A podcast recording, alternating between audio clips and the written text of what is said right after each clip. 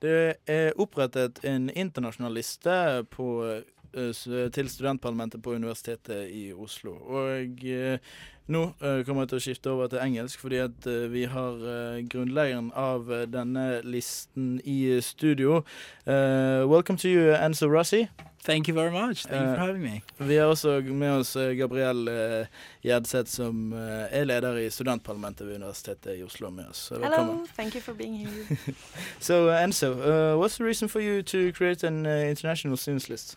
Well, well, there's there's many reasons actually, but I guess if I'm going to summarize in one thing, is that a I believe that being a student is more than just sitting down and reading. Being a student is actively taking part in the governance of the institution you're in, and uh, currently international students as a group are not uh, directly represented in any way in the decision making channels at the university. So I think it, that it's very important for international students to not just be in the sidelines of these things, but that actively be involved in how things yeah. are decided. But couldn't international students take part in other lists at the student parliament um, democracy? Yes, that, that that could very much happen and that could be a thing, but it hasn't happened in the last what 20, 30, 40 years, I believe. I don't know. So if it hasn't happened before, uh, I don't envision it to start happening now, although I'll be very happy if it does. And if hmm. that is the case, I guess our list would pretty much cease to exist, and that would be absolutely yeah. fine. But uh, how well do you feel the student parliament uh, represents uh, international students? Well, I don't know. I think that's probably one of the biggest problems. We do not know how we are represented. There is very little information in English available for international students to know what is happening. Uh, after I have been going and talking, I see that there are things happening that affect and benefit international students, but the information is not there, at least not not in English, which we could be understood. And uh, there is simply no way for us to directly influence the decision of Parliament. So we thought that the best and the easiest way to get involved directly into these things is to go straight into the eye of the storm. Uh, what's your comment to that, uh, Gabriel? Uh, not much uh, info in English and uh, kind of hard to be directly represented. Mm. First, I want to give some credit. Uh, it is great that we have a new list in the elections, and I hope that they, along with the other lists, will work their asses off to raise awareness about the student politics election but and the causes. Question, uh, yeah, but it, it's it's important that it's said because it has also given us a kick uh, kick behind to to start giving more information in English. It's true that we haven't had enough information in English, and that's that's not good. Uh, but the international students at the University uh, of Oslo are just as directly directly represented uh, in the university uh, decision-making body as every other student. In which way? In the way that the way we do the student democracy uh, democracy body in uh, at the University of Oslo is by joining in lists. Mm. That's why we have a social democrat list. That's why we have a, um, a realist list for the mathematicians, etc. Mm. You the the people with the same causes join together, make a list, and that's how.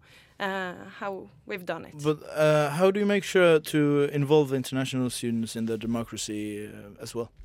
We have an international officer that's uh, that's in uh, in charge of uh, of um, internationalization and uh, has a lot um, lot of contact points, especially during the summer.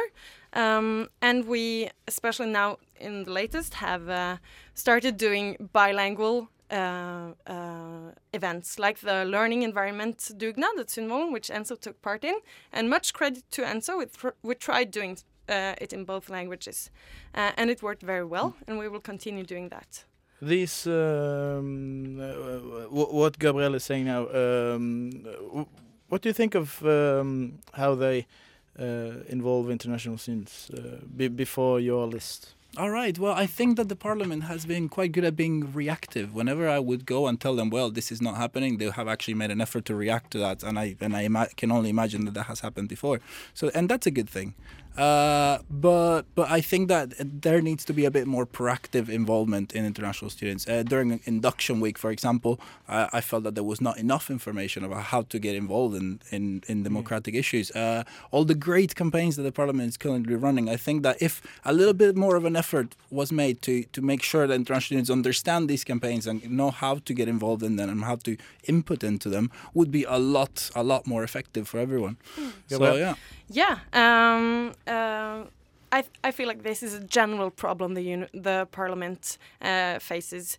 Uh, there uh, there are 85% of the students at the university that don't vote for us, that don't join in join in the lists. So we have to to be more visible to everyone. As the leader of the parliament, that is my top prior priority, not a simple group. And and one other thing we do is paradoxically enough to remove the international uh, officer in the executive board Yeah. Because we want to um, i think Yeah, uh, just to fill you in, a couple of weeks ago, Nyhetsfredag, uh, our uh, magazine, reported that the uh, student parliament wanted to no, no longer have a person to be responsible for international affairs, the Mm. international uh, officer. Uh, what do you think? Uh, which which signals does this send that they're cutting the position? Well, I'm I'm I'm I'm not entirely sure what signal it sends. The the fact that a position is being cut or changed or whatever it is that it's happening, because I I, I, I am not fully aware of the background of it. One thing that I, that I am of the opinion of is that. Uh, in this case, if there's any change that is happening to a position that directly has internationalization, which will obviously include international students, I believe that wider consultation on what international students think uh, is necessary. Uh, as to whether or not it's a good idea to change it or to modify it, then I, I can't really give you an opinion on that. But I do think that if uh, international students, which are a group that is affected by it, is not directly consulted, then there's something that needs to be worked on right there. Just have a question for you, Gabriel. Uh, how can you combine cutting this position and also accommodate international students involving in student democracy? yeah and can i comment on that afterwards? Um, you complain about the lack of information so do i. That's why we, we want to remove the international officer.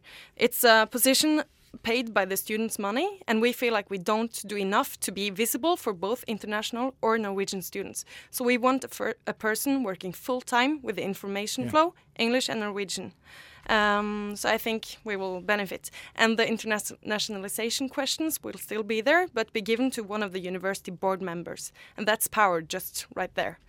Um, and of course, stakeholders need to be consulted in those matters. But in this very issue, we're discussing the way the parliament uses its resources. And it's been discussed three times in the parliament.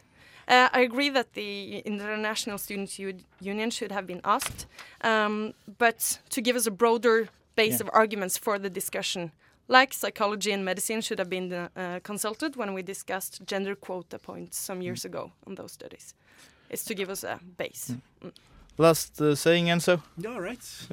so um, thank you both for uh, coming. Um yeah, Gabriel Gjerdseth, the, the president, uh, I would assume in English, uh, of Woo! uh, student parliament uh, uh, of the university in Oslo, and Nico nah, Enzo Rossi, um, founder and uh, president of the international students list. I assume. believe I, I th- we Huh? haven't decided on No? titles yet, but No, yeah, okay. o- o- cool. overlord sounds a bit too much, and Okay. the emperor is not appropriate. So yeah, president sounds good. Thank you both. You